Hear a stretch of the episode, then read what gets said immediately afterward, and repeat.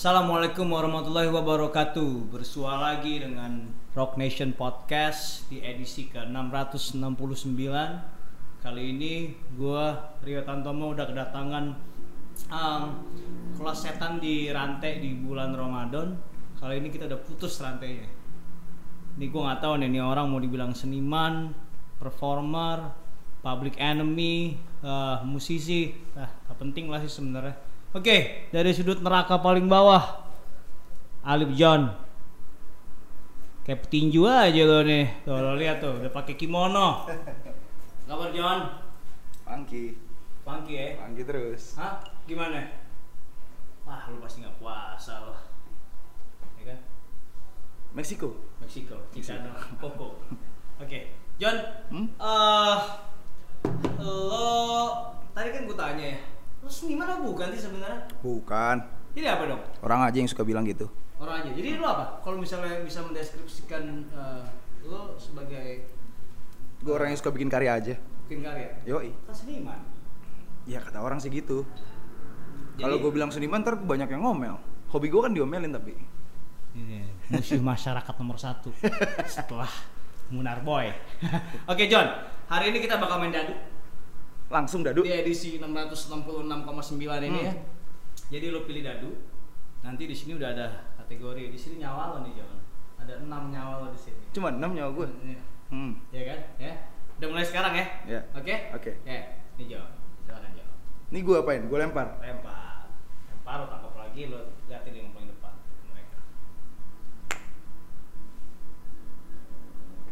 Ke satu. oh ini oke kita akan mulai dengan hal yang sangat serius. Digital art. Hah. John apa pendapat lo mengenai crypto art? Yang lagi ngetrend banget sekarang nih. Kemarin baru ada kasus crypto art di mana-mana. Eh lu percaya nggak sih dengan eh, bahwa crypto art itu adalah sebuah revolusi dalam dunia seni? Iya, gue percaya. Menurut gue, crypto art itu adalah sebuah pengembangan dan adaptasi baru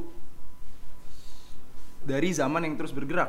oke Dan sekarang kenyataannya kita ada di, di dunia digital dan crypto art terbentuk karena ada banyak tekanan-tekanan dari sekitar dan terbentuklah crypto art. Oke, eh, terus? Iya dia mencari celah zaman di situ gitu. Ya udah dia bikin crypto art. Siapa pun itu gue nggak tahu. eh ada yang bilang bahwa crypto art itu eh, akan membuat seni tidak lagi eksklusif karena semua orang bisa membuat seni dan menjualnya di dunia digital, gitu kan? Hmm. Jadi akan ada banyak seniman-seniman eh, mungkin baru atau amatir atau yang karyanya nggak bagus, Hmm. lalu dia menjual dan laku 17 miliar Hmm. misalnya dibeli sama Edward Snowden kemarin gitu di- dijual gitu terus apakah itu eh, mengganggu kredibilitas karya seni nggak? Enggak, menurut gue bagus. Karena menurut gue seni itu memang harus masuk ke seluruh nadi-nadi masyarakat. Tidak dieksklusifkan. Dan itu nanti juga bakal terbentuk kok. Mana yang beneran lo jujur bikin karya untuk lo membuat karya, bener-bener bikin karya. Dan mana yang lo bikin karya untuk uang. Oke. Oke. Lo bikin karya untuk ekspresi lo atau untuk uang? Ini sebenarnya klise ya, cuman menurut Ini gua paradoks. Ini paradoks gitu. Jadi kalau misalnya lo mana yang tadi bikin bener-bener untuk eh, karya dan untuk uang. Kalau posisi lo sendiri sebagai pembuat karya, seniman, seniman. Hmm. Lo dari mana? Karena gue tuh sekarang kemarin baru baru punya motor chopper tuh gue liat kemarin. Mhm. Pasti udah jual karya kan? Nggak jual tuh keren. Anjing. Iya. Keren ya. Order barter ya. Wah, Hmm, itu primitif. Bentuk primitif ya. Yoi. Oke, jadi apa? Gimana? Bagaimana lo bisa menilai perbedaan itu?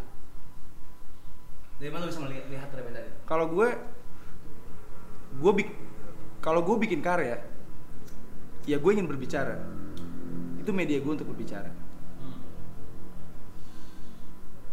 kalau emang dari situ tiba-tiba ada yang mau beli dan segala macam ya itu urusan lo gitu gue nggak urus Hmm. tapi kalau dibilang gue bikin karya untuk mencari uang ya udah nggak ada bedanya lu dagang apa kek gitu. atau apa gitu tapi kan sosok seorang seniman itu kan inspiring ke segala macam halayak gitu Oke, ini kata kalimat penting.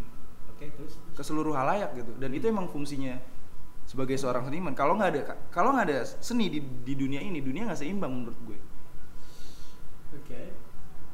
karena lo bikin perusahaan atau apa gitu tapi nggak ada musik di mana titik kesenangan lo di mana pestanya Oke. di mana cara di mana lo menghadiri ugal-ugalan bareng gitu nggak ada musik anjing gue mending bunuh diri hari itu juga gitu Oke, jadi lu membandingkan antara eh, seni lukisan dengan seni musik sebagai satu kesatuan. ya itu udah, itu udah kompleks gitu itu itu itu udah satu kesatuan gitu seni musik dan seni ya artwork dan segala macam itu udah ya lihat aja nih vinyl di belakang kan ini banyak artwork gitu Oke. Oke. Hmm. Oke. Titit, tete, bla bla bla bla ya. Ini semua ya. Oke. Nggak perlu dijelasin itu udah udah udah udah satu kesatuan yang mengagumkan yang indah gitu untuk apa keindahan itu dirusak Oke, kalau kita bicara seni digital tadi, apakah meme juga bisa di- dikaryakan atau dikatakan sebagai sebuah karya visual? Dan di, ketika udah memasuki dunia NFT atau crypto art tadi, itu akan terjual mungkin ya dengan harga yang sangat tinggi. Bukankah itu mengkhianati sebuah eh, apa namanya? Marwah seni? Gue nggak ngerti. Karena gue nggak begitu suka main itu apa internet. Masa? Di zaman digital gue ini? nggak ngerti main laptop gitu nggak ngerti. Agak sulit buat gue gue lebih suka megang kuas. Jadi gue sedikit tidak peduli sama masalah NFC dan segala macamnya Oke. karena sampai mati apa yang gue lakukan tidak bisa dikerjakan oleh robot. Wah ini menarik sih. Tidak akan dilakukan oleh robot. Tapi gua rasa ya Dalam waktu mungkin 25 tahun ke depan 25 tahun Mungkin umur lo udah 40 gitu Hmm. ya. Gua rasa ke- kegiatan kita ini sudah mulai eh, tergantikan secara manusia oleh em, kecerdasan buatan. Ya kecerdasan buatan. Tapi tidak tidak ada rasa di dalam situ. Manusia punya rasa sepenuhnya rasa itu. Yang saat lo melukis dan menggores mungkin di kanvas atau di media apa pun gitu yang bersentuhan dengan lo nadi lo rasa lo semua dilepaskan ke dalam situ gitu ke dalam media itu. Robot tidak diciptakan untuk itu. Oke. Oke. Balik ke eh, tadi ya nah, itu Black Sabbath lewat Udah sahabat ya Alright now. Oke. Ah, balik lagi. Kalau misalnya tadi eh, kita bicara crypto art, eh, ketika lo berarti karena udah beli secara digital, tidak ada lagi kanvas. Orang yang membeli crypto art itu kan dia berarti membeli gambar, Mm. ya kan? Lalu tidak terasa lagi tuh goresan kuas lo Mm. atau warna-warna lo secara asli gitu kan. Jadi Mm. orang membeli eh, itu melalui ya eh, sebuah kanvas wilayah hitam itu kan, Iya. iya kan? ya Eh, apakah itu mengancam lo sebagai seniman yang eh, masih memegang eh, kanvas dan berlumuran cat? enggak Nggak mengancam nggak ya? nggak merasa terancam tenang Karena lo melakukan itu juga atau tidak? nggak tahu Mungkin nggak? Mungkin nggak? Space Mungkin. 23 Mungkin besok, aja. Mungkin. eh, akan melakukan itu. mungkin mungkin mungkin karena gue nggak bisa menolak zaman Hmm. gue cuma bisa cari celah zaman itu sendiri gitu Seberapa penting buat diri lo sebagai seniman untuk berevolusi? hmm. penting banget terus berkembang dari sebuah kesalahan dan dosa-dosa Gue kalau ngomong kesalahan itu ahli tujuan banget sih. Ya nggak sih? Iya. Eh, lo, lo pernah bikin eh, berjudul eh, Made by Sin and Correct me if I'm wrong. 100% made by mistake. made by sin and mistake Made by made by sin and mistake. Yoi. Bisa nggak lo elaborasikan? Apa itu? ya itu gue buat dari berbagai macam kesalahan yang menjadi gue bikin karya misalnya ekspektasi gue ternyata nggak sesuai salah gitu tapi itu jadi loh tapi kok menarik ya gitu. itu menurut gue itu beautiful mistakes gitu Beautiful mistake. Ya udah kenapa enggak? Dan terus emang tergamblang gitu. Ini banyak kesalahan di dalam sini dan banyak dosa-dosa gue yang terjadi di sini gitu. Ya itu akhirnya jadi judulnya gue pampangkan gitu. Dan bicara dosa bicara kesalahan ya itu itu itu udah gue kasih lihat. Lu nanya dan lo mencari kesalahan tuh gue gue gue beberin gitu gue kasih lihat apa sih? Kita kan salah satu penemu terhebat di dunia ya yaitu menemukan kesalahan orang lain Oke. Ya, Nah, sekarang kan gue kasih lihat kesalahan gue tuh, jebret. Coba lo cari di mana kesalahannya. Gitu. Kalau gue gituin gimana? Iya. Kalau gue balik lagi ke lo, apa kesalahan lo dalam eh, membuat karya seni? Gue banyak bikin orang jadi mabuk-mabukan. Astagfirullahaladzim ya Allah. Terus?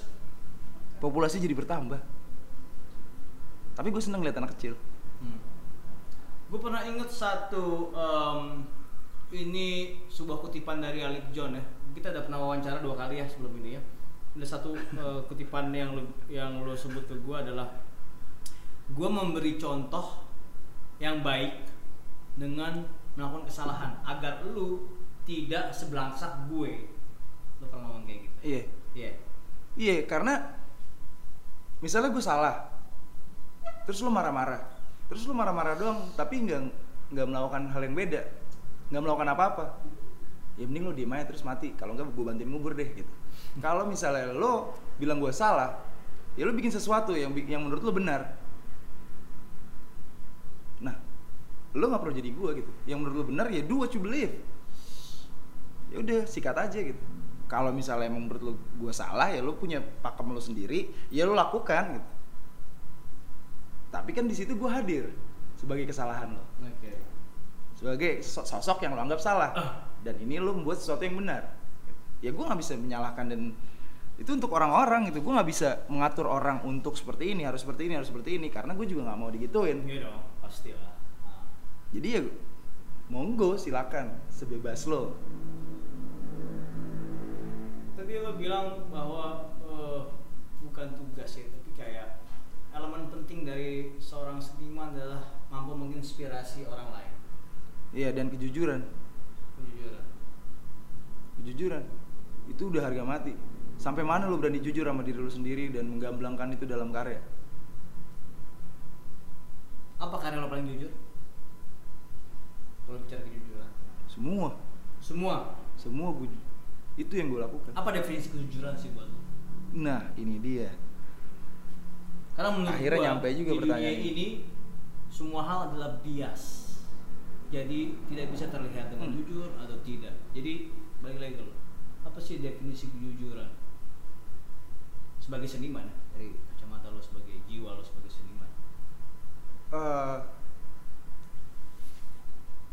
kejujuran buat gue adalah di mana saat lo tidak diterima oleh society oleh oleh orang di sekitar lo karena lo berpikir berbeda tapi lo berkata jujur truth is pain gitu Truth is pain. Brutal truth is pain. Iya. Nah kayak gitu, maksudnya Lo ngerti gak sih? Ngentot? Terus? Gitu Oke.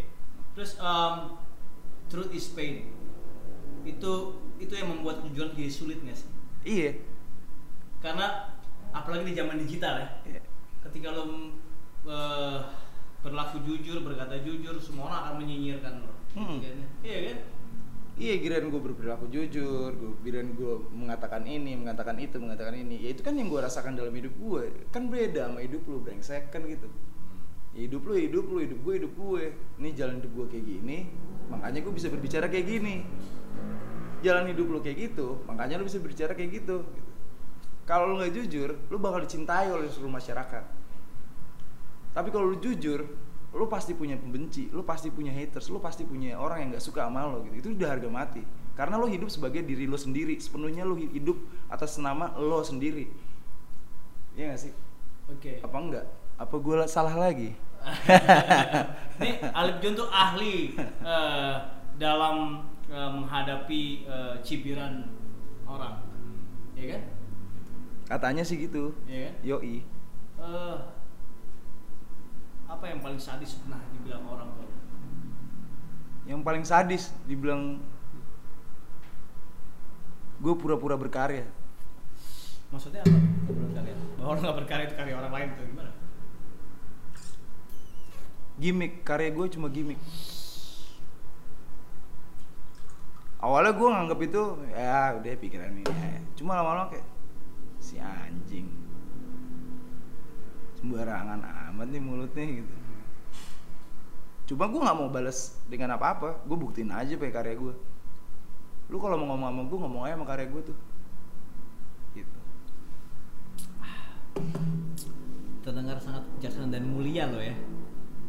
Karena rokoknya kali bagus nih. Oke, next. Hmm. Dadu berikutnya.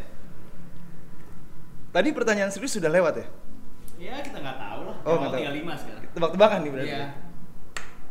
Dua. Harus lihat dong. Dua. Tuh.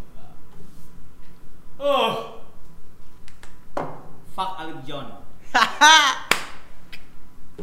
Kalau gue bilang ngentot lo Alip John, lo bakal ngomong apa? Emang. Oke. Itu kan selera lo. Oke. Udah. Banyak banget kalau eh, stigma negatif terhadap Alip John. Ini menyambung yang tadi ya. Eh, bahwa Alip John itu eh, hanya menjual attitude, karyanya nyontek, lalu tidak orisinal. Ini klasik banget ya.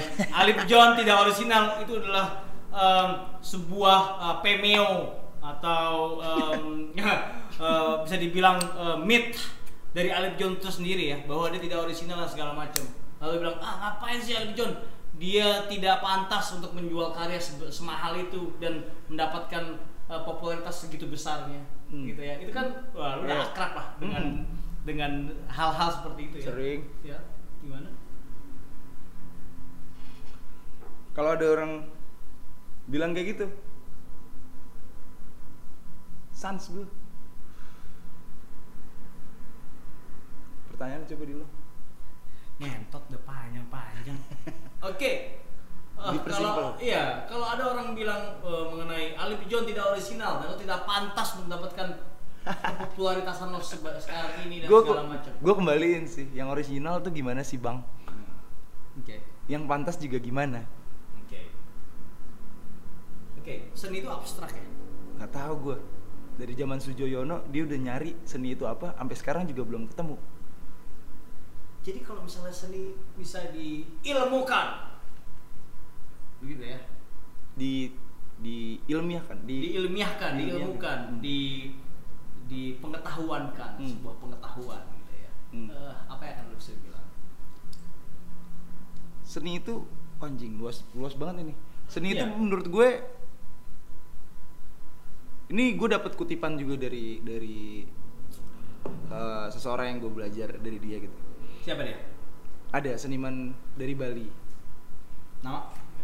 namanya Dian Lewis. Dia bilang eh, dia salah satu orang yang bisa mendefinisikan, bukan mendefinisikan, eh, ya itu mengilmiahkan seni itu gitu. Seni itu apa sih? Gue Oke. sempet nanya seni itu apa sih? Karena waktu itu gue awam, gue ngerti apa-apa gitu. Seni itu apa? Dia menjawab, seni itu pintu Alip. Ah pintu gitu kan. Pintu apa? Iya pintu di antara realita dan fantasi. Udah Di antara realita dan fantasi. Ah, di mana itu berarti? dalam kepala lo sendiri. Oke. Berarti kalau lo ingin melihat ada batas tipis di antara realita dan fantasi, lo akan kanvas-kanvas lo gitu. Atau misalnya apa pun gambar atau diri lo sendiri. Hmm. Ya kan? Kalau gue masuk ke fantasi, pintunya gue buka, Hmm. gue lepasin, gue masuk ke dalam dunia gue sendiri. Tapi kalau gue lagi berbicara, wah reality check nih,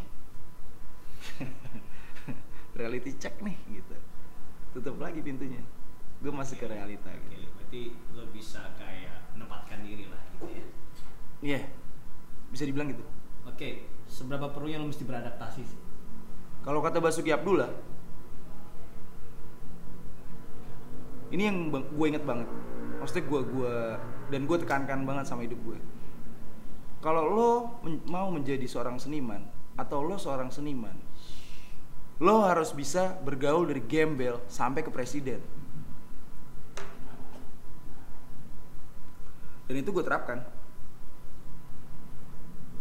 Andy Warhol juga teman-temannya juga bukan seniman doang kali Iya. Ya karena kalau misalnya lo cuma ada dalam satu lingkup, ya udah lo stagnan di situ aja gitu. Lo nggak menemukan hal baru. Kalau tiba-tiba lo bergaul dengan skateboarder, lo bermain dengan skateboard, lo lo menemukan hal baru dalam sebuah lo waktu bikin karir. Lo main sama anak band, lo ngelihat pola dia berpikir, bagaimana cara dia bergerak, gesture semua segala macam, bentuk. Yang semuanya itu bisa diaplikasikan lagi ke dalam karya lo gitu. Itu yang mengagumkan gitu Hmm. seni itu bisa masuk ke mana aja gitu dan itu yang yang sangat dibutuhkan Kalau gue bilang seni adalah sebuah cerita gimana? ya nggak ada salahnya juga menurut lo Iya kan? Bahwa, bahwa seni adalah sebuah cerita yang terhimpun di kepala lo Lalu entah lo tuangkan sebagai notes, Hmm. sebagai nada, sebagai lemparan cat, ya kan? Hmm. sebagai berpura-pura sebagai eh, acting, Hmm. ya kan? Segala Hmm. macam, Iya. ya kan? Oke. Hmm. Jadi ya balik lagi, seni itu sebuah hal yang abstrak, tidak bisa di bukan hal yang eksak, Bukan. matematis, iya ya kan? kayak lo ngeliat setan Kayak lo ngeliat setan, kayak gue ngeliat lo. tipis Oke. Menurut lo, orang itu suka sama karya lo atau sama attitude lo sebenarnya? dua-duanya.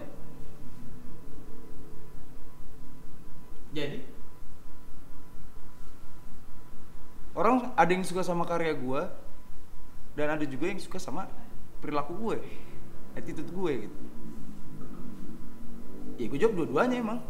Kalau berarti kalau misalnya eh, lo eh, taruhlah karya lo jelek gitu ya, Mm. ya itu Iya. kan balik lagi Iya. ke subjektivitas masing-masing. Iya. gitu. Ah. Lalu eh, tapi lo punya sebuah buah sebuah pik, eh, buah pemikiran Hmm. lalu dengan perilaku yang menurut gue atau mereka nyantret gitu ya dengan otomatis karya lo akan bagus Hmm. atau sebuah hal yang bagus itu adalah hal yang mutlak Hmm. atau seperti apa gitu kan karya itu kan mencerminkan dari si senimannya itu. Jadi ya karya itu terlihat dari kejujuran seorang senimannya gitu. Dan itu bakal sesuai. Bakal kalau apa sih kalau di gitar? Nyetem ah nggak fals gitu ya. Hmm, tapi enak juga sih yang fals-fals. Menyamakan ritme gitu. iya. Emang lo menyamakan ritme dengan kehidupan? Gue rasa tidak. Kagak kayaknya. Kayak enggak lo nggak nyetem juga sih Enggak dengan, juga. dengan dengan ritme kehidupan masyarakat gitu kan ya kayaknya enggak enggak Enggak nyetem ya? juga iya tapi dari enggak nyeteman itu kadang menjadi ya itu lagi balik lagi beautiful mistakes Oke, bicara kejujuran dan bicara fuck you Alip John. Mhm. em, oh fuck me please Ya, eh, banyak orang bilang bahwa lo mengcopy Basquiat, Jean Michel Basquiat dari Haiti itu dia orang. ya enak tuh Rokok gue enak kan? Hmm. Nih buat lo. Oke. Eh, ini ini ini balik lagi ke situ ya.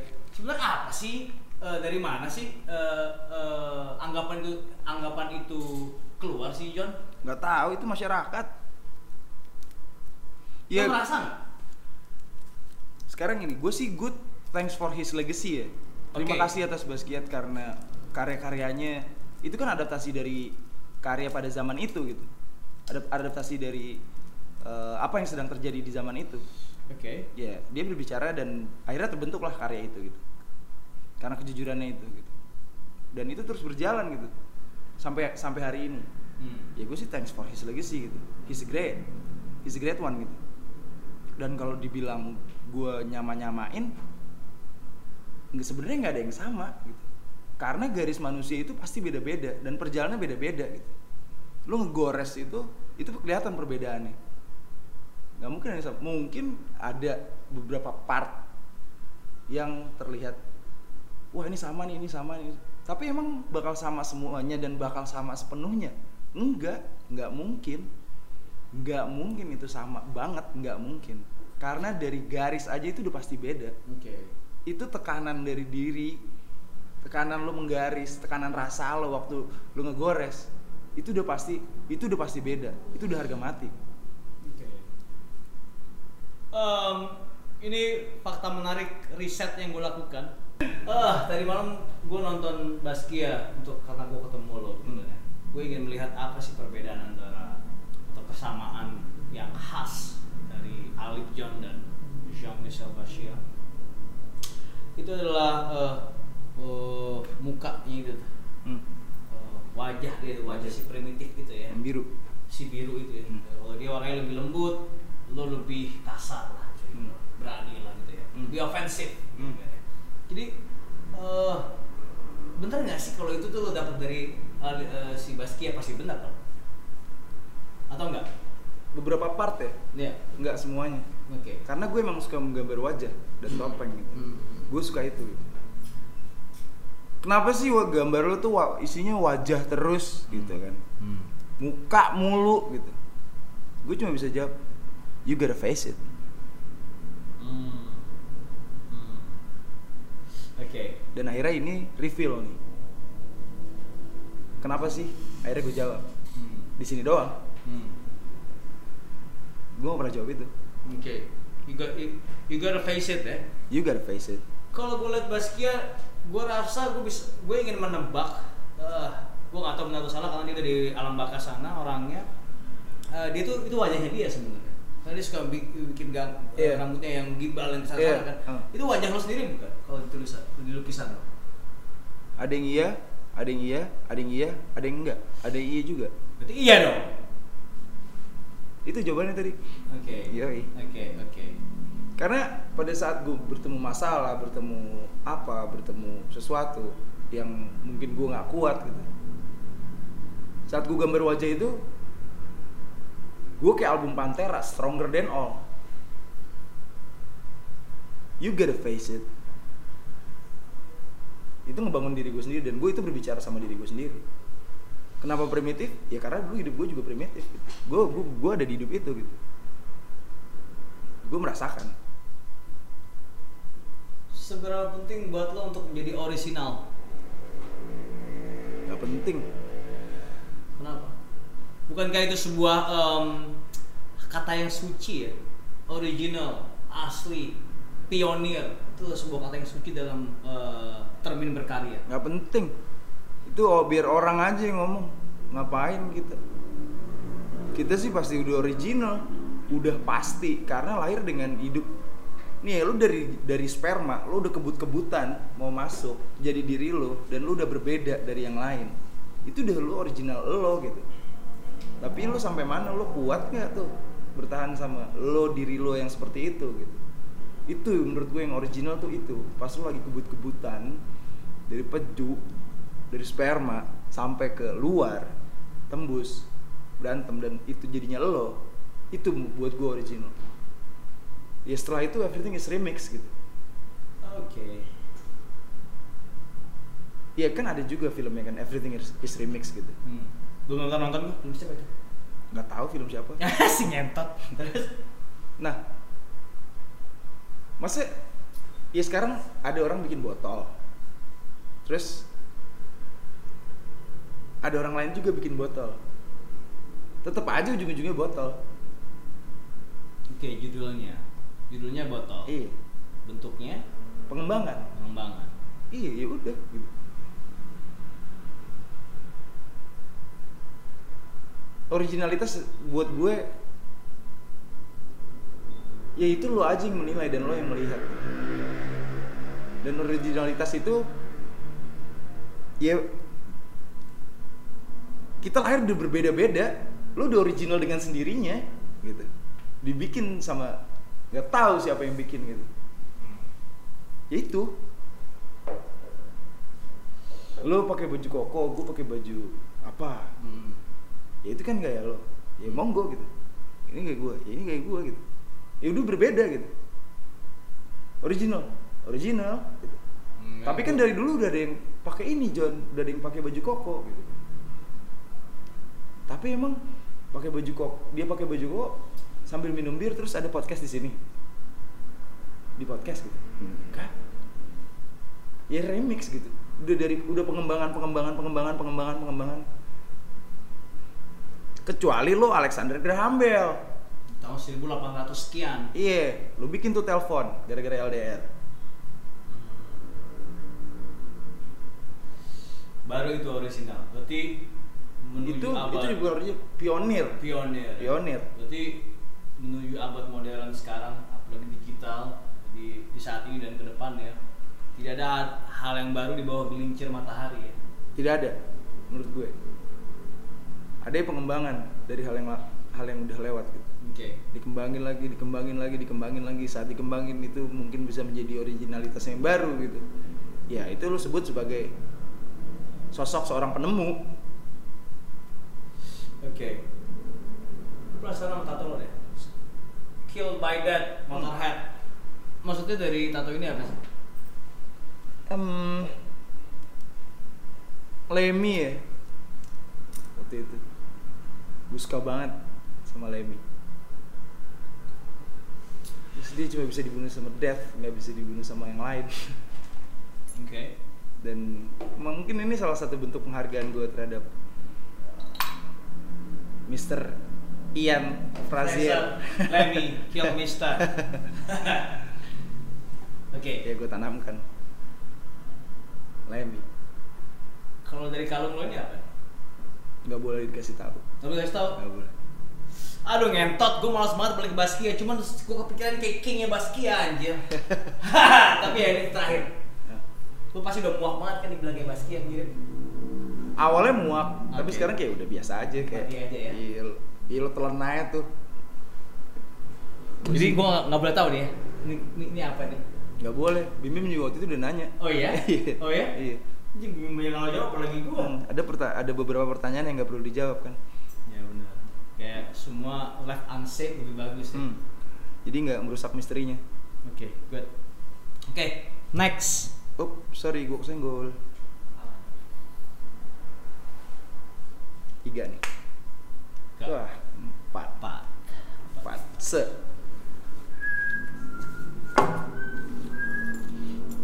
Loh, nomor empatnya nggak ada nih. langsung neraka kali Oh, kan cuma 6 ya, berarti 7. Hah, omong kosong. hmm. Omong kosong.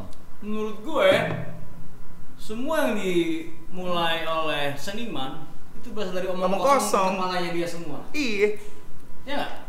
kalau menurut gue sih iya awalnya juga dari omong kosong sama dia dikosmetikin jadi sebuah eh, narasi yang baik, sebuah wacana. Bahkan kurator-kurator itu aja hanya menciptakan sebuah eh, wacana Hmm. bahwa asalnya sih sebenarnya dari hal yang nol gitu kan. Kalau kata Zappa, Oke. art is making out of something and selling it. Making out of something from nothing and selling it. Ya. Dan lo berhasil melakukan itu menurut gue. Apa yang kata oleh Zappa, iya kan? Dan semua juga berhasil gitu kan. Iya. Ya gimana? Gimana cara lo mengemasnya dan mungkin itu berguna buat hidup seseorang yang membeli karyanya atau mempunyai karyanya. Mungkin itu ada nilai pribadi buat dia sendiri, nilai sentimental buat diri dia sendiri. Kan gue juga nggak bisa nyuruh dia. Enggak, ini maksudnya gini, ini maksudnya gini, ini maksudnya gini, ini maksudnya gini. Ya nggak bisa lah gitu. Ngapain gitu? Lah orang hidupnya dia, hidup lo, lo yang punya penilaian. Kan misalnya gue, bisa aja gue gambar rokok. Menurut gue rokok itu adalah hidup gue. Tapi menurut dia itu kematian. Terus gue harus paksa. Hidup, ini hidup, ini hidup ini. Ya, enggak lah. Gak bisa gue paksa itu. Dia punya nilai berbeda dan punya pandangan berbeda. Biarin. Gue nggak mau merusak imajinasi seseorang. Ah, kita bicara imajinasi ya. Itu adalah sebuah eh, rel tanpa ujung sih. Iya karena iya kadang juga gue ditanya dan gue dibilang gue nggak bisa menjelaskan karya bla bla bla bla gue bukan nggak bisa tapi gue emang nggak mau kenapa karena gue nggak mau merusak imajinasi lo tuh makan tai Itu itu itu seperti eh, seperti Iwan Fals ya dan Bob Dylan. Dia tidak pernah mau menceritakan apa maksud dari lagu-lagunya. Karena ketika sudah direkam, dibikin, direkam dan didistribusikan ke seluruh dunia, itu udah milik lo semua dan interpretasi interpretasikanlah sesuai dengan eh, Apa yang lo mau, gitu. ya kan Oke. Apa uh, the biggest mistake interpretation dari karya-karya lo? biggest mis- mistakes Ada nggak yang? Eh maksud gue Ki, ini kan John. Eh lu salah anjing. Eh, biggest mistake. Karya lo yang mana dan apa uh, interpretasi yang salah? belum tahu gue belum dapat sampai saat ini Nggak, tidak ada, tidak ada dari se berapa followers lo? 2 juta followers lo. 3 km 3 km followers lo dan mereka mencoba untuk menerjemahkan karya lo dan mereka eh, eh, benar enggak atau ya udah ya nggak ada yang salah ya. Ya mungkin menurut mereka benar ya udah hidup lo. Menurut selama itu berguna buat lo pakai. Kalau nggak berguna buang. Cari yang lain. Oke oke. Hmm hidup ini penuh dengan omong kosong. Awal dari kejeniusan adalah omong kosong belaka Fuck. lu berarti orang-orang jenius orang jenius itu tolol at the same time iya kalau mereka nggak tolol mereka nggak bakal bertanya kalau mereka nggak bertanya mereka nggak akan menemukan jawaban Oke. Ada satu eh, eh, pepatah bilang, never stop wondering. hmm. Jangan pernah berhenti bertanya, Hmm. walaupun lu tidak pernah menemukan jawabannya. Hmm. Iya kan? Iya. Itu sebuah keresahan yang pada akhirnya itu menjadi sebuah hal yang mengagumkan. Keresahan dicari atau dia datang sendiri? Dia datang. Kalau dicari masalah. Cari dulu masalahnya, baru nongol keresahannya. Oke. Berarti eh, tidak perlu dicari pun dia Datang, menjalar dari menjalar. Biji skrotum lo Iya. keluar gitu ya kayak ke kepala lo segala macam gitu ya. Tidur bolak-balik, Maksudnya apa? susah tidur. Resah. Oke, ya, ya, ya, ya. Jadi ya, jadi bukan ini hal klise bahwa eh, seni lahir dari sebuah keresahan gitu ya, tapi akhirnya itulah yang membuat kita jadi mencipta sesuatu ya. Iya. Dari keresahan itu gue gue akhirnya bikin sebuah karya, bikin apa, rasa yang gue tuangkan gitu. Ya itu dari keresahan itu sendiri gitu. Karena gue terus bertanya, anjing ini gimana sih? Kok gini, kok gitu, kok gini, kok gitu, ini apa sih? Ngentot gitu kan. Coba coba coba coba coba coba. Lega abis itu.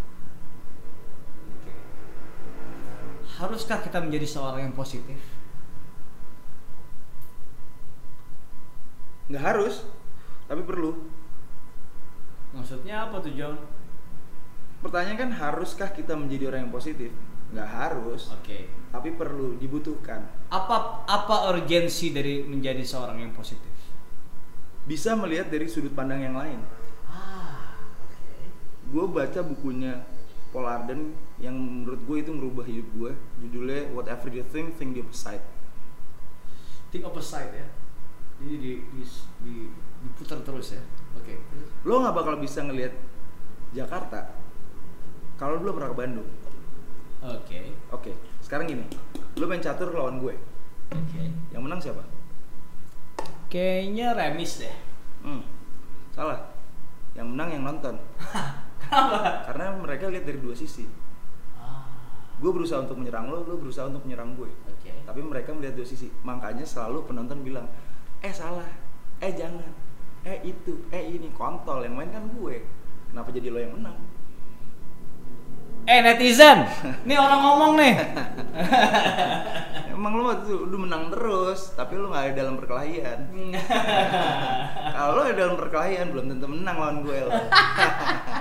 Sebagai some shit ya. Oke, anjing, John, kalau gua ngelihat em, eh, komen lo, lalu tadi kemarin gua ngelihat eh, lo live Instagram gitu ya, gila, itu netizen emang eh, kayaknya suku yang paling eh, tai sih, nggak mau bilang kejam, tai aja mereka, Strong mereka. strong, Mm-mm. kok lo malah encourage mereka? Mereka tanpa disadarin dan tanpa ada komunikasi antara netizen-netizen yang lain, mereka bergabung terus menyerang. Tapi nggak ada komunikasi di situ. Apa sih motivasi mereka? Menurut lo sebagai korban dari netizen enggak ya? Bukan. Bukan. Victim. Motivasinya apa ya? Apa coba motivasi mereka? Dapat apa mereka? Menurut lo? Eh, Diakui enggak juga. kepuasan Apa- pribadi kali ya. Kepuasan pribadi buat dia. sama seperti seniman dong. Jangan-jangan di masa depan nanti melontarkan komen sebagai netizen adalah sebuah seni. Ketika udah, udah terlalu bias gitu. Bisa jadi tuh. ketika ketika lo melontarkan melontarkan sebuah eh, komen lalu di bawahnya ada 250 komen yang mereply di itu, itu Iya. gitu kan jangan itu eh, bisa menjadi sebuah karya yang baru Iya. Terus lo pampangkan lo lihat nih gue nih ada ada sekitar 2000 orang 2000 kurator. 2000 kurator Bisa jadi. aduh seni masa depan nggak sakral lagi yang jangan ya itu kekhawatiran sih atau enggak Enggak. Kalau sakral pasti. Udah pasti sakral. Tapi yang mana nih yang sakral? Maksudnya Ya kan ada banyak. Tapi ada beberapa yang benar-benar sakral. Dan itu pasti terlihat tanpa harus dikasih tahu. Lion never show. Hmm. Hmm. Hmm. Hmm. Hmm. Ya, ya, ya, ya. Oke, oke. Sekarang lo punya kesempatan nih. Mungkin ini udah udah sering mengatur kesempatan. Seberapa puas ya eh, lo bisa eh, kickback mereka sih? Sebuah kepuasan gak sih? Kayak kayak misalnya mereka ngata-ngatain lo, gue seneng banget, gue sering banget ya ngeliat lo kayak Iya. lu lu kayak udahlah lu nggak usah sok tahu lah lu nggak usah bla bla bla bla bla bla kepada mereka gitu ya Eh, itu itu eh, sebuah edukasi yang lo berikan kepada mereka atau sebuah eh, punch back Gue punch back lewat karya. Ah, Udah lu gak usah ngomong sama gue itu lu ngomong aja sama karya gue. Karya lu aja tuh suruh ngomong sama karya gue coba. Jadi buktiin dulu gitu. Mana dulu karya lo? Bangsat kan gitu. Kalau lu nggak punya karya, ngomentarin karya gue segala macem. Ngapain gue ladenin? oke Buat apaan? Gak urus gue. Lo punya karya, lo komentarin karya gue. Ya berarti itu kan jadi diskusi. ah oke Ya kalau cuma buat menyerang, ngata-ngatain segala macem, ya udah nggak mempan. Percuma gue denger Iron Man. I am the Iron Man Iya, percuma gue denger komunal manusia baja. Percuma gue jadi meteor. ah meteor John Hmm. eh gue tidak akan meminta maaf atas ini cuman eh kata kita berteman kayaknya meteor tuh hal yang paling norak yang pernah kasih tahu deh ke gue aku adalah meteor Come on, man. maksudnya apa sih kalau lu lihat dari sudut ini ya, ini akhirnya gue menjelaskan nih meteor. Asik. Di sini gue menjelaskan. gue seneng nih kalau udah bisa memprovokasi seseorang Sama seniman Rio Tantomo nih. Kalau lihat meteor ya, dia diciptakan untuk menghancurkan. Kerjanya muter-muter, menyimbangkan bumi, eh menyimbangkan galaksi. Semua planet tahu kalau misalnya dia nabrak itu bakal hancur. Tapi semua respect, nggak ada yang protes. Ya wes lah, gue pasrah aja nih mereka dapat meteor tuh menjalankan tugasnya masing-masing gitu ya gue respect nih si meteor emang kerjaannya emang begini nih temenan sama seluruh yang ada di galaksi Semesta, galaksi, semesta. tapi mau ugal-ugalan bikin ulah dan akhirnya ketabrak deh bumi. Lagi apes. Oke. Ketabrak bumi jeger sampai bawah. Kan untuk menembus bumi dia ketemu atmosfer terbakar siksa apa segala macam sakit. Dan sampai pada akhirnya boom nabrak bumi. Dikejar tuh tujuannya nyampe di bumi. Hancur rata. Tapi setelah kehancuran itu timbul sebuah keindahan mampus loh gua inget lo pernah ngomong gini. Untuk menciptakan sebuah keindahan harus menciptakan sebuah kehancuran. Itu filosofi Siva. Ya kan? Jadi ya, bisa gua elaborasikan kepada si netizen netizen anjing ini yang bakal meng- mengisi komen di bawah dan kata-katain gua nanti bentar eh, si mereka tahu Siva nggak? Eh, nggak tahu.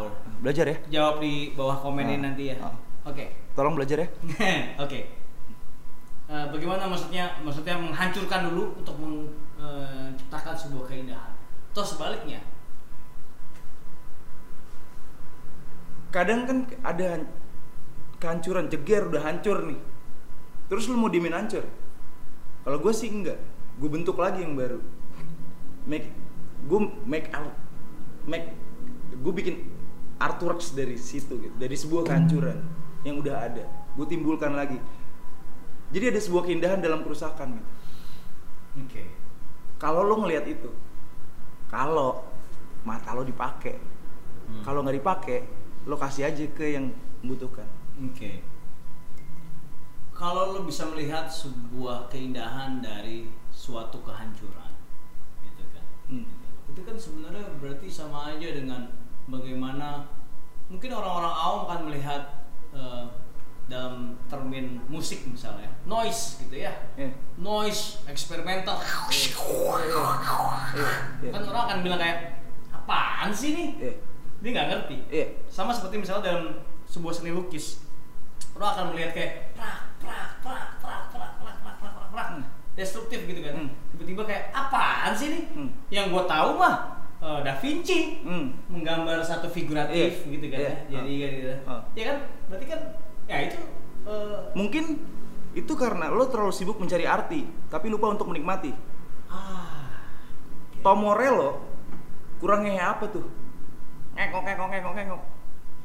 Kalau lu tanya artinya, si bisa jawab tuh.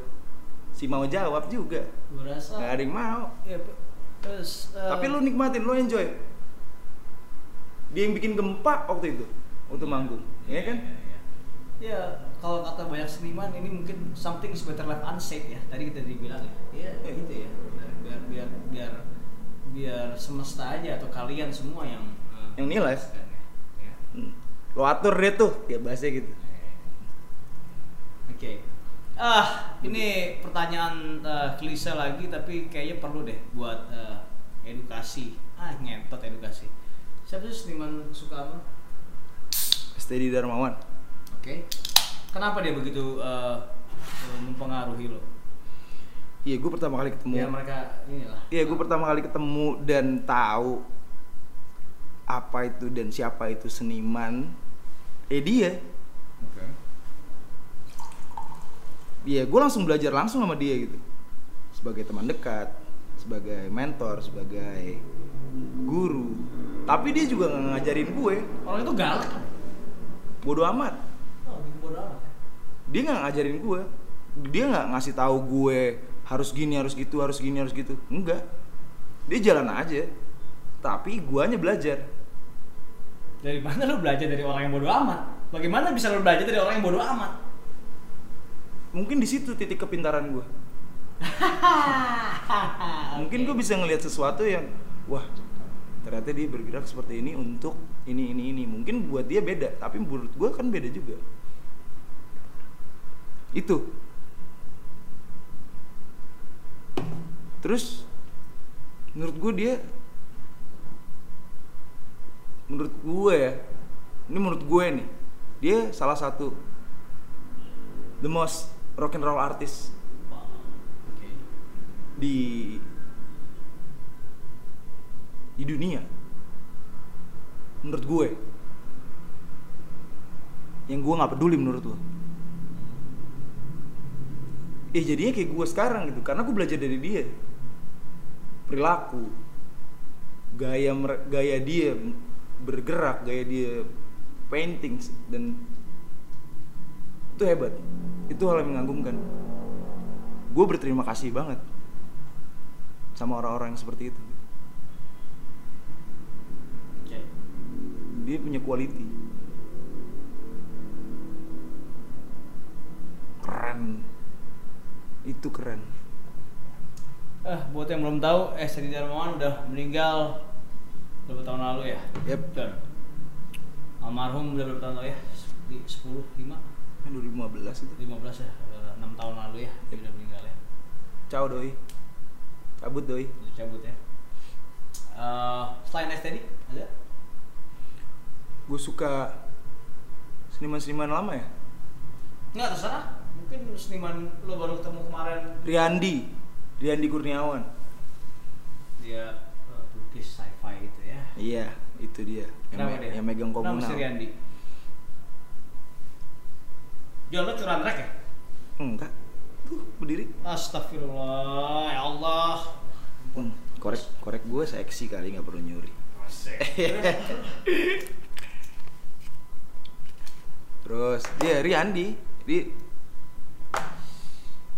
gue belajar gue belajar banyak dari Riyandi gitu.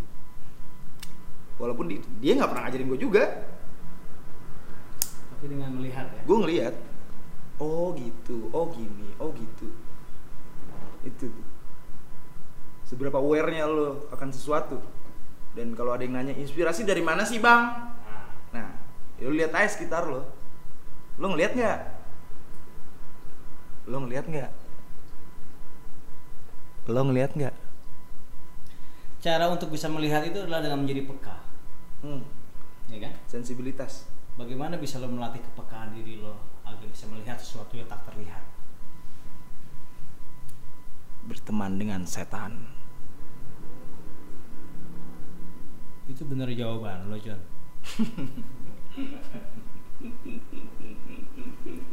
nanti nanti yang yang bego-bego pada nyembah setan lo, John, gara-gara lo.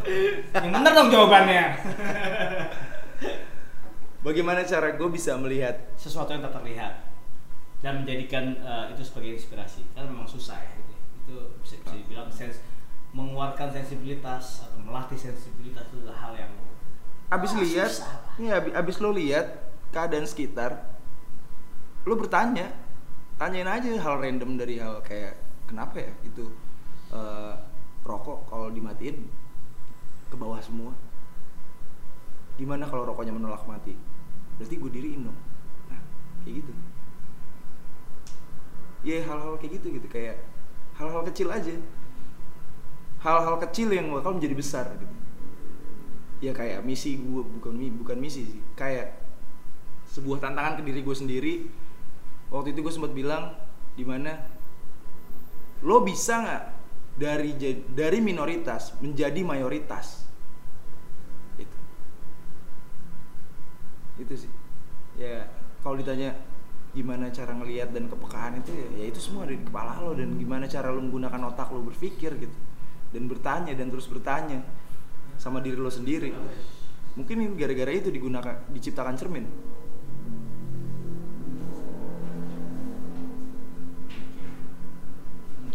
Terutama bercermin tidak dengan cermin. Dalam artian mengucapkan mata aja. Masuk langsung mau minum gue di negara rock Di negara rock. cheers Oke. Sixteen Sisa nyawa lo.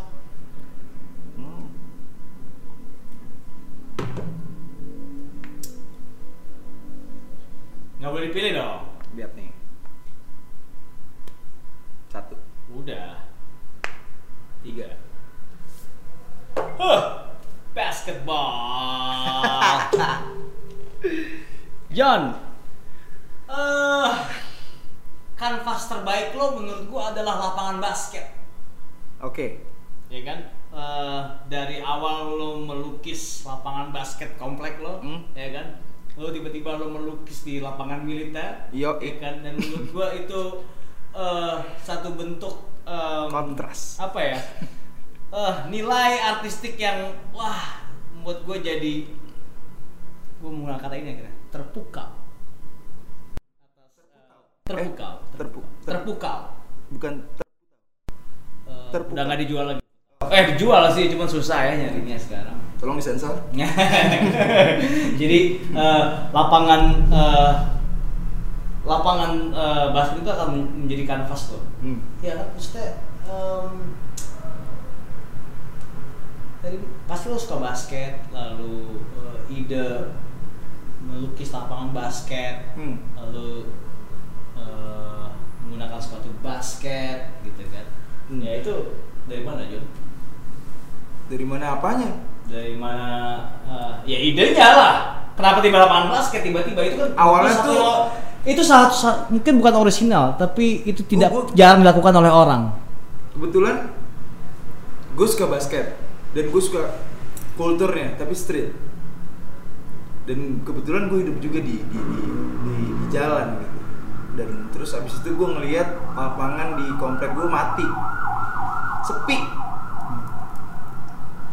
Terus gue gak punya kanvas. Gue bilang gue mau ngelukis nih, tapi gue gak punya kanvas. Oh itu ada lapangan. Oh, udah sikat aja. Hah, melukis lapangan aja? Iya, gue mau lukis lapangan. Gue mau nari di atas kanvas gue. Ya udah, akhirnya gue lukis tuh lapangan. Dan tanpa disadari setelah gue ngelukis, rakyat datang semua untuk bermain basket untuk bermain basket dan segala macam ya. Untuk ibu-ibu pada ngobrol, pada nenteng-nenteng bayi apa segala macam. Tapi itu menjadi sebuah kekaguman lagi buat gue karena gue menghidupkan lagi sesuatu yang telah mati. oke lu Itu- pahlawan ibu-ibu PKK lu ya berarti Asli. Itu impact yang menurut gue itu impact yang besar dan gue seneng gitu. Gue bahagia gitu. Gue ngeliatnya, gue, gue suka banget ngeliat itu. Gitu. Karena dari sini gue bisa eh, ini berguna nih. Kan dari situ nanti timbul obrolan apa orang yang tadi musuhan jadi temenan apa segala macam dan orang yang tadi udah stres terus tiba-tiba main basket atau segala macam karena ngelihat court yang dia pengen main gitu wah anjing gue pengen main di sini nih gitu. wah ada sesuatu yang baru ya itu impactnya pada masyarakat gitu yang, yang gue berikan lagi gitu yang gue berikan oke jadi kalau lo bilang Ali Pijon tidak memberi impact dan hanya eh, meniru segala macam lu lihat lapangan-lapangan basket terutama yang di lapangan militer lu membuat para abri atau teknis sekarang jadi main basket ya enggak? Yoi. dengan sepatu PDL mereka aduh Yoi. dengan sepatu PDL mereka itu kan iya ya baik lagi kan nih seperti yang gue bilang orang lebih suka melihat kesalahan daripada kebaikan gitu. jadi gue sih nggak pernah nyebutin segala macam. Eh gue udah ini loh. Eh gue udah cantik ini loh. Eh gue udah ini ini ini loh. Gue udah ini. Enggak. Biarin aja dia melihat gue dari segala macam kesalahan apa segala gue urus. Atur aja. Tapi gue nggak ngelakuin itu doang kok. Lo nggak tahu aja kali. Oke. Em, Dennis Rodman? Hmm. Em, apa yang bisa lo petik dari eh, sesosok berambut warna-warni bernama Dennis Rodman, tukang rebound paling ah, efektif di NBA. dia punya gaya sendiri dan dia tidak bisa diatur. Kalau dia diatur berantakan semuanya. Jadi lu cuma bisa percaya aja udah dan itu udah pasti fix dan terbukti. Dia berandalan yang berkualitas. Michael Jordan pun butuh dia gitu. Man, kalau nonton Last Dance di NBA Final, dia minta izin satu game buat party sama Carmen Electra dan diizinin sama Michael Jordan. jadi Michael Jordan yang jemput Michael Jordan. Itu konyol kan? Iya iya iya. biasanya yang nyebut ya pas ya security atau ini Michael Jordan yang datang itu udah sebuah tanda tanya gitu. Seberapa butuhnya MJ ke Dennis? Dennis itu dari segi kelakuan ya dia dulu suka-suka aja. Tapi giliran lo harus game total 100 maksimal nggak bisa di- dihentikan. Oke dia nggak poin tapi kalau nggak ada dia Jordan nggak ngepoin bisa rebound itu adalah eh, paling penting salah satu yang paling penting ketika lu bisa ngambil bola dan lu mengubah arah permainan gitu iya ya kan? dan dia punya style sendiri Ya. gitu dia yang menimbulkan gaya baru dan entertain baru setelah Dr. J ya ya Julius Irving Iya. dia punya gaya sendiri terus di akhirnya tatoan sampai sekarang atlet-atlet tatoan dan dulu zamannya HIV belum ada cure-nya. Waktu Magic Johnson kena semua orang takut. Tapi dia sendiri tiba-tiba ngecat rambutnya. HIV karena dia do what he believe gitu. Dan akhirnya sekarang lihat aja. Dia menjadi orang yang menurut gue dia orang yang baik banget tuh. Ya cuma tapi emang bengalnya mentok gitu. cuma Dia- ngehe aja iya. gitu. iya dunia adil. Fair satu dari permainan ini satu permainan gue suka adalah permainan mental ini ya hmm itu Iya, dia main psikologi gitu hmm, jahilnya Iya, ketika orang free throw dia bagi doang. iya sama duduk Iya, betul gitu kan. Duduk itu gitu. maksudnya sebuah hal yang em, lo nggak mesti eh, nge-punch orang gitu ya, tapi lo bermain pikiran. iya Iya nggak? kan orang yang- salah satu orang yang paling kuat adalah bukan orang membunuh orang lain tapi bagaimana caranya dia membunuh Dia mempengaruhi orang untuk membunuh orang lain. Bukan. Bukan. bagaimana caranya dia bisa buat musuhnya bunuh diri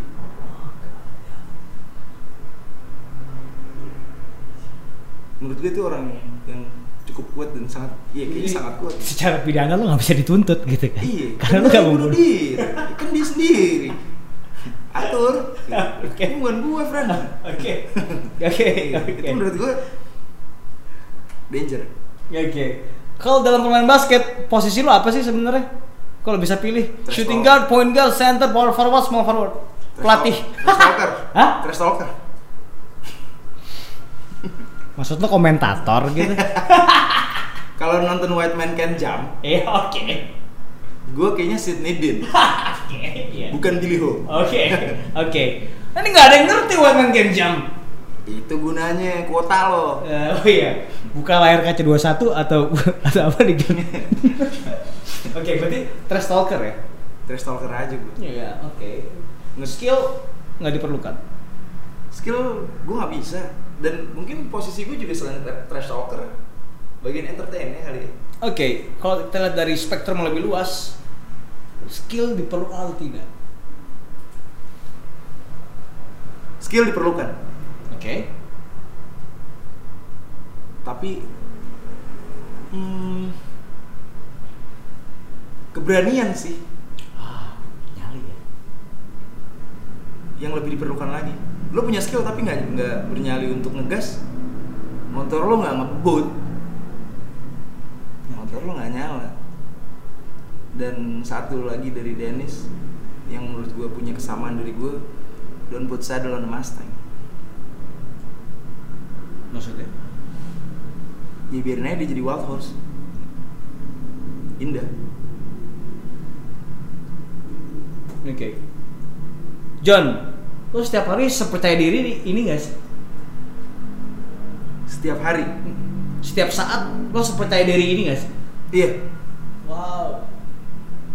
karena gue percaya sama diri gue kalau gue nggak percaya sama diri gue siapa lagi? Setan mah jahil. Iseng doang. Giring lagi enak doi datang malaikat juga jahil hobinya ngadu. Senyentot. Oke. Gimana lo menghadapi keraguan lo? Masa lo gak pernah ragu dalam hidup? ada. Oke, bagaimana lo bisa memaknai keraguan atau lo bisa mengcounter keraguan lo itu? Bagaimana caranya? masukin giginya Hah? masukin gigi Maksudnya? Lu kayak si, lu kayak filosof, filosof lo gua ngomong sama lu anjing. Masukin giginya udah masuk giginya masa nggak lo gas Hmm. Berarti berarti dalam artian keraguan ada, ada tapi seberani apa sikut lo? aja langsung gitu ya iya tabrak aja balik lagi ke meteor itu udah tahu tuh bumi panas. Untuk menembus atmosfer itu kan nggak nggak nggak gampang. Dia banyak yang dikorbanin. Untuk mencapai tujuannya. Sampai nggak? Sampai. Sampai lah. Sakit. Sakit. Sakit. Lega? Bahagia? Iya. Menderita? Iya. Menderita? Harus. Harus? Harus. Harus menderita dulu kayak lo nonton film tentang gurun pasir tapi lo sambil minum coca cola bakal lebih berasa nggak tuh coca colanya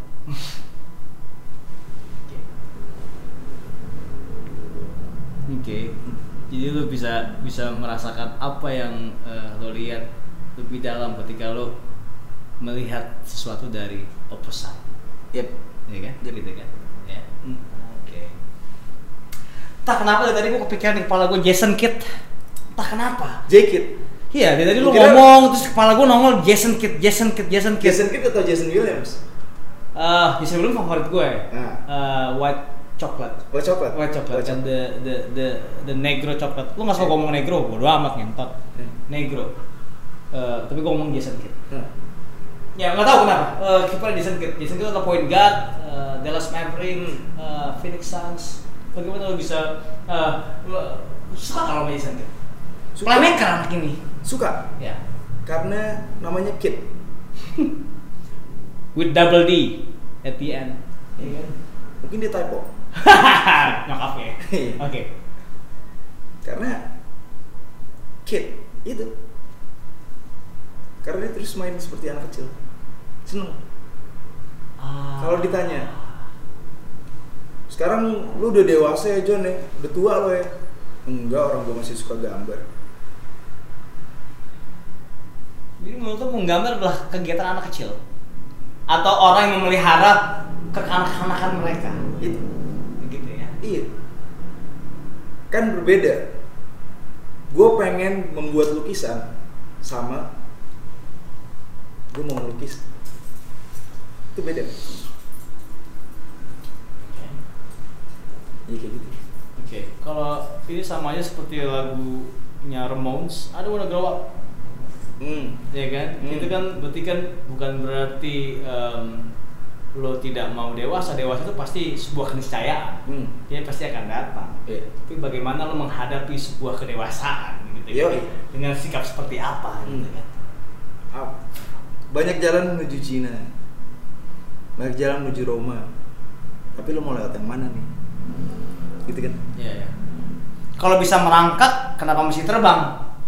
Atau kalau bisa terbang, kenapa mesti merangkak? Lo pilih mana? Merangkak atau terbang? rangkak gue Jauh, lama, menderita, koreng-koreng banyak, sakit. Tapi lo terbang sampai cepet. proses gue bakal merasakan lebih seneng dan bahagia ya waktu gue emang sempat ngerasain yang namanya rasa sakit atau segala macem. Dan pada saat finish itu lebih lebih mengagumkan gitu lebih rasanya lebih anjing gue deh kayak tai tadi anjing akhirnya nyampe juga ya gitu. Kalau terbang kan nggak ngerasain prosesnya gitu. Tapi lo emang waktu terbang lo bisa ngelihat segala macam dari atas tapi gue pilih merangkak gue bisa lihat lebih detail lagi apa yang ada di depan gue waktu lo terbang semua hal menjadi kecil. Tapi waktu lo merangkak semuanya menjadi besar. Oke. Em, menurut lo dalam sebuah dalam diri lo ya, dalam sebuah perjalanan gitu ya, lo tuh udah sampai mana sih Jun? Maksudnya apakah lo sudah matang? Atau lo masih setengah matang, amatir, atau eh, lo sampai tujuan udah pasti kan? Tujuan itu kan sebuah eh, ab- absurditas ya. Jadi menurut lo, lo sampai mana ini? gue masih rookie And always be a rookie, jangan-jangan. Eh, and always be rookie masih berapi-api Oke. Karena tinggal dua dan perbandingan dua banding enam adalah sebuah keniscayaan dan kemustahilan, Hmm. ya. Jadi kita ada pakai lagi. Tinggal pilih kiri atau kanan. Em, Komunis kiri ya? Komunis kiri. Supir angkot berarti komunis. Supir angkot, kenapa kan kalau kiri? Karena dia berdiri kiri mulu. Karena disuruh kiri dia mau kiri. Oke, lo kidal apa kadal? Komodo. Lo komodo, berarti lo pilih mana? Kanan. Ah! Institusi. Institusi. Waduh. Apa itu? Gue kira intuisi. Institusi. Hmm. Apa pertanyaan dari institusi ya? Um, gue spontan sebenarnya tadi. Hmm. Ah, institusi. Lo percaya dengan sebuah institusi nggak sih? Maksud gue gini. Eh, institusi adalah agama, pernikahan, bahkan galeri ini sebuah institusi, Hmm. ya kan? Lalu museum adalah sebuah institusi, negara adalah sebuah institusi, gitu kan? Keluarga adalah sebuah institusi, sekolah seni adalah sebuah institusi apakah eh, kita untuk mencapai sebuah bentuk yang matang harus melalui institusi atau sebuah eh, knowledge untuk mendapatkan knowledge dengan harus melalui proses institusi dulu Nggak harus sih, karena itu semua pilihan lo. Balik lagi ke statement banyak jalan menuju Roma, tapi terserah lo mau pilih yang mana. Jalannya. oke Gue nggak pilih jalur institusi. Mungkin. untuk menjual karya lu mesti masuk galeri Gue nggak pernah masuk galeri sampai hari ini. wow bagaimana lo menjual karya lo kalau gitu Bergaul. seberapa penting galeri posisi galeri di dalam dunia kesenimanan Penting. Penting tai banget penting itu tai deh nadanya itu loh Tapi coba deh dikembangin lagi. Karena zaman udah mulai ber- terus berputar nih. oke seberapa penting pendapat seorang kurator bagi sebuah karya seni Penting. Tapi terserah gue, gue mau jalanin yang mana. Seberapa penting kata arti tapi dalam kalimat-kalimat lo tadi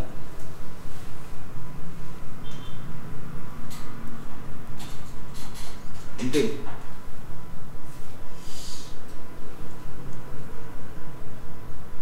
Karena ada sebuah alasan untuk mempertegas. wah oke Hmm. di situ-situ ya Hmm. Oke, itulah kenapa lo drop out from art school and you proud of it. Yep. Seneng-seneng aja gue. Luar, ya udah. Gue punya jalan lain kok. Lo merasa terkeng, terkekang oleh sebuah institusi. Hmm. Bukan itu penjara kadang-kadang. Apa? Bukan itu penjara kadang-kadang.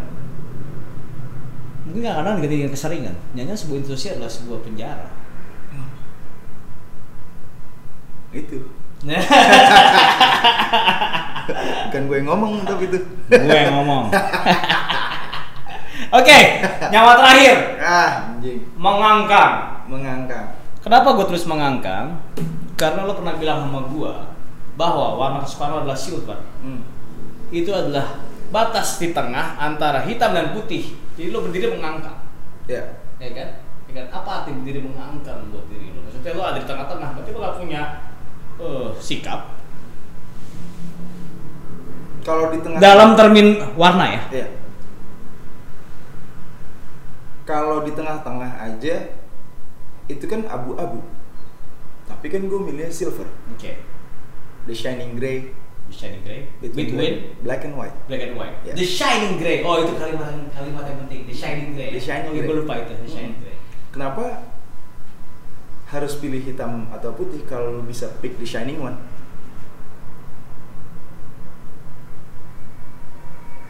So pick the shining one. Intinya ya negosiasi sama ego. Karena dalam kata nego ada ego. Oke. Buat gua yang paling penting dalam hidup ini adalah berkompromi sesedikit mungkin. Hmm. Menurut lo, apakah gue benar atau gua salah? Benar salah tidak ada. Betul sekali. Oke, gua rubah kata-katanya. Oke. Menurut lo, pendapat gua baik atau buruk? Baik atau buruk juga tidak ada. Gua rubah lagi kata-katanya. Oke. Menurut lo, berkompromi sesedikit mungkin harus dilakukan atau tidak? Perlu dilakukan. Kenapa perlu? Karena semua ditempatkan pada porsinya masing-masing. Dan kadang ada bentrokan. Dan saat bentrokan itu lo bentrokin, nggak ketemu jalan keluarnya. Di situlah kompromi muncul. Ego nego.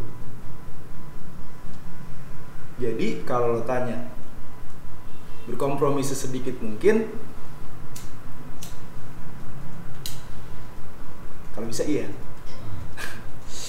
Menjadi seorang yang keras kepala hanya akan menghancurkan diri lo. Bener gak? menjadi seorang keras kepala hanya akan menghancurkan diri lo enggak. Karena gue bisa berdiri di sini dan diinterogasi sama lo. Karena gue keras kepala. Dan gue percaya sama apa yang gue jalanin dan gue putuskan. Karena gue keras kepala. Misalnya gue bisa nggak boleh dibilangin gue dibilangin ini. Ya terserah lo mau bilang apa tapi keputusan tetap gue yang ngambil karena gue nggak mau jatuh tertimpa tangga dua kali. Kalau misalnya keputusan John lo bikin karya tentang rokok oke lo bikin karya tentang rokok. Terus tiba-tiba karyanya salah bret ya kan? Karyanya berantakan bret bukan rokok nih. Salahnya gue dua kali dong. Karena gue dengerin lo sama gue juga melakukan yang gue lakukan gue buang waktu dua kali. Oke. kalau gue bilang John kalau gue bilang John eh, ini lu bikin rokok nih. Terus gue bilang enggak. Gue maunya bikin ini. Tapi gue salah tiba-tiba. Gue seneng karena itu kesalahan karena keputusan gue sendiri bukan keputusan dari lo. Jadi gue nggak ketimpa tangga cuma jatuh doang tangganya masih berdiri jadi gue masih bisa naik Berarti dengan kata lain, kalau lo punya kepala yang keras, hantamkan aja ke dinding dan itu akan mendapatkan sesuatu masuk Masuk. masuk Oke. Terima kasih Arif John sudah datang di bulan Ramadan yang sangat indah ini mendapatkan banyak sekali kalimat-kalimat filsuf. Dan hal yang gue menyen, hal yang gue senangi dari mengundang kali ini adalah bisa merokok di studio uh, Rock Nation ini sama Iya. seperti waktu gue wawancara Jason Ranti. Cheers. cheers rock nation Assalamualaikum warahmatullahi wabarakatuh.